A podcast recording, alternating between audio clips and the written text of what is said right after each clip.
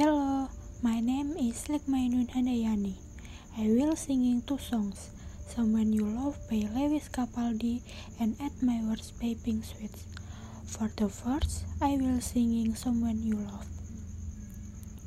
Know the day bleeds into nightfall and you're not here to get me through it all. I let my guard down and then you pull it up. I was getting kinda used to being someone you love. And the second, at my words. I need somebody who can love me at my words. No, I'm not perfect, but I hope you see my worth. Since only you, nobody knew I put you first. And for you, girl, I swore I'd you the words.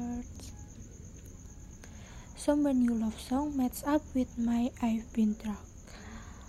My mother and my grandmother made me very sad. They were both people who truly understand my feelings and desires. For many years, I had blurred out my sadness but always remember my mother and my grandmother. In addition, I was also decided with my partner. He's someone I've thought of as my second home. Because something else finally broke up. I feel very sad to lose someone to whom my story belongs. I didn't get along with my brother and my father, to be honest. When I was with my ex boyfriend, I felt happy and my tiredness disappeared.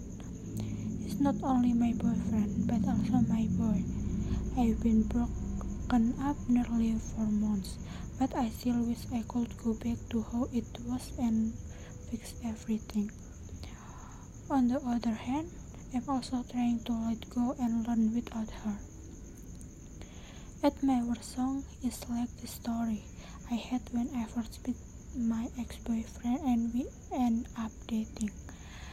I love her very much and I will always be with him. And he will say the opposite, but it was not what I had imagination. He broke up with me just because of a small problem. From that song, I hope to find a man who truly loves me and who will be there for me no matter where it may be. I can do more if someone's treating me well. Okay, thank you.